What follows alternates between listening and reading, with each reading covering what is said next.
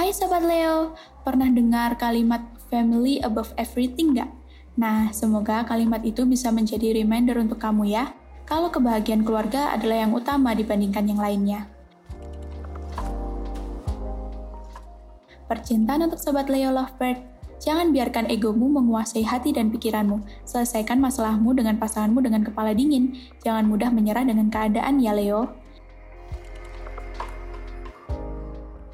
Percintaan untuk Sobat Leo yang masih single, kamu tidak merasakan hal yang berbeda setelah putus cinta, karena memang sejak bersamanya, dia tidak pernah ada untuk menemanimu.